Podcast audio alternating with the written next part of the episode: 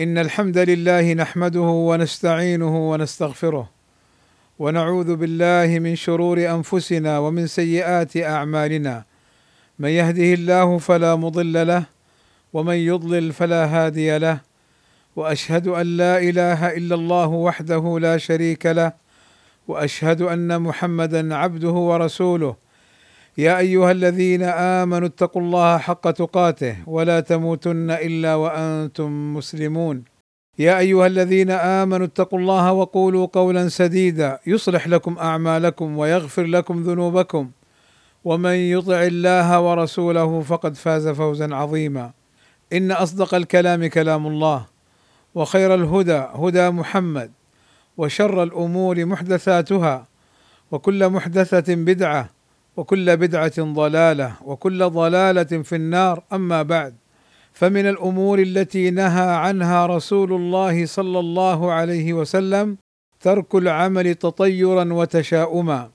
فعن معاوية ابن الحكم السلمي رضي الله عنه قال قلت يا رسول الله امورا كنا نصنعها في الجاهلية كنا نتطير. فقال صلى الله عليه وسلم ذاك شيء يجده أحدكم في نفسه فلا يصدنكم. فقوله ذاك شيء يجده أحدكم في نفسه فلا يصدنكم أي أن الطيرة شيء تجدونه في نفوسكم عادة فلا تكليف به. ولكن لا تمتنعوا بسببه من التصرف في أموركم. فنهاهم صلى الله عليه وسلم عن العمل بالطيرة والامتناع من تصرفاتهم بسببها. والطيره هي التشاؤم من الشيء المرئي أو المسموع فتكون سببا في وجود ما يحزن أو يضر. والطيره من عادات الجاهلية حيث كانوا يعتمدون على الطير فإذا خرج أحدهم لأمر فإن رأى الطير طار يمنة تيمن به واستمر في شأنه وإن رآه طار يسرة تشاءم به ورجع. ومن صور التشاؤم والطيره التشاؤم بالبومة فيظنون أنها لو وقعت على بيت مات أحد أهله أو يصيبهم مكروه. ومنها التشاؤم بانكسار الكأس.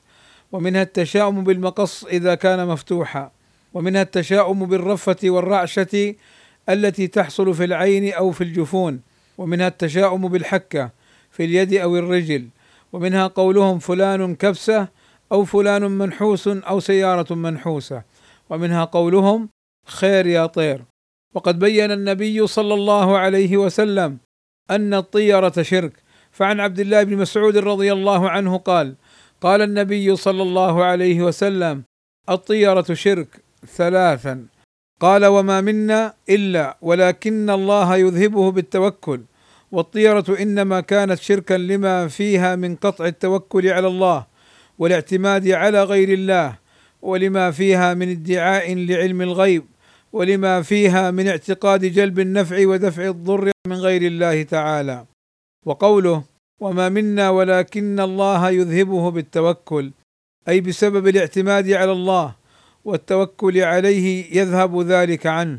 والنبي صلى الله عليه وسلم كان يعجبه الفأل الحسن ويكره الطيرة.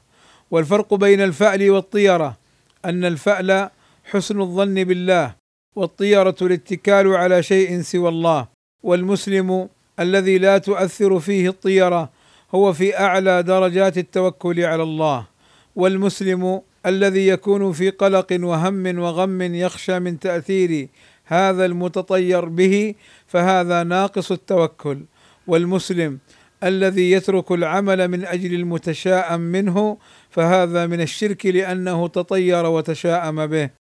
والواجب على المسلم أن ينطلق إلى ما يريد معتمدا على الله عز وجل. وكفارة من وقع في الطيره أن يقول اللهم لا خير إلا خيرك ولا طير إلا طيرك ولا إله غيرك. قال رسول الله صلى الله عليه وسلم من ردته الطيره من حاجة فقد أشرك. قالوا يا رسول الله ما كفارة ذلك؟ فقال صلى الله عليه وسلم أن يقول أحدهم اللهم لا خير إلا خيرك. ولا طير إلا طيرك ولا إله غيرك. وعليه أن يمضي في حاجته ويتوكل على الله ولا يبالي بما رأى أو سمع أو حدث له عند مباشرته للفعل أول مرة. فإن بعض الناس إذا حصل له ما يكره في أول مباشرته الفعل تشاءم. وهذا خطأ لأنه ما دامت هناك مصلحة دنيوية أو دينية فلا تهتم بما حدث. وقد نهى النبي صلى الله عليه وسلم عن الطيرة ونفاها مطلقا لأنها من تلاعب الشيطان بالإنسان وهي تخيلات لا حقيقة لها. قال النبي صلى الله عليه وسلم لا عدوى ولا طيرة أي لا يضره إلا بإذن الله وهذه الأمور التي يتطير منها لا حقيقة لها ولا تملك له نفعا ولا ضرا والله أسأل لي ولكم التوفيق والسداد وحسن القول والعمل وأن يهدينا إلى الصراط المستقيم. الحمد لله رب العالمين والصلاة والسلام على المبعوث رحمة للعالمين وعلى آله وصحبه أجمعين عباد الله. المتطير ليس من السبعين الفا الذين يدخلون الجنة بغير حساب. من أمة محمد صلى الله عليه وسلم إذ من صفاتهم أنهم لا يتطيرون وعلى ربهم يتوكلون. ولن يدخل الدرجات العلى من الجنة من وقع في الطيره قال صلى الله عليه وسلم لن يلج الدرجات العلى من رجع من سفر تطيرا. عباد الله من ابتلي بالتشاؤم والتطير عليه بالأمور التالية. اولا التوكل على الله وذلك بأن تعتمد على الله عز وجل في كل الأمور مع بذل الأسباب. قال تعالى وعلى الله فتوكلوا إن كنتم مؤمنين. ثانيا أن يقول اللهم لا خير إلا خيرك ولا طير إلا طيرك ولا إله غيرك كما ورد في الحديث. ثالثا المجاهدة في دفع التشاؤم والطيرة بترك الاسترسال مع ما يلقيه الشيطان في روعه. رابعا العلم أن كل شيء بقدر الله فما أصابك لم يكن ليخطئك وما أخطأك لم يكن ليصيبك. خامسا أن يصلي الاستخارة إذ هي مشروعة مكان ما يفعل في الجاهلية من الطيرة والاستقسام بالأزلام والقداح. سادسا الفأل الحسن وهو حسن الظن بالله وهو ضد الطيرة والتشاؤم فالطيرة فيما يكره والفأل فيما يستحب. سابعا استحضار ضرر الطيرة وعظم ذنبها فهي شرك ولها أضرار على الفرد وسلوكه في حياته. ثامنا معرفة حالة المتطير والمتشائم. فهو إنسان متعب القلب منكد الصدر كاسف البال سيء الخلق. وأما المتفائل فهو في راحة بال ونعيم حال مطمئن راض بقدره مرتاح الصدر عالي الهمة موفور النشاط. عباد الله إن الله وملائكته يصلون على النبي. يا أيها الذين آمنوا صلوا عليه وسلموا تسليما. فاللهم صل على محمد وأزواجه وذريته كما صليت على آل إبراهيم وبارك على محمد وأزواجه وذريته كما باركت على آل إبراهيم إنك حميد مجيد.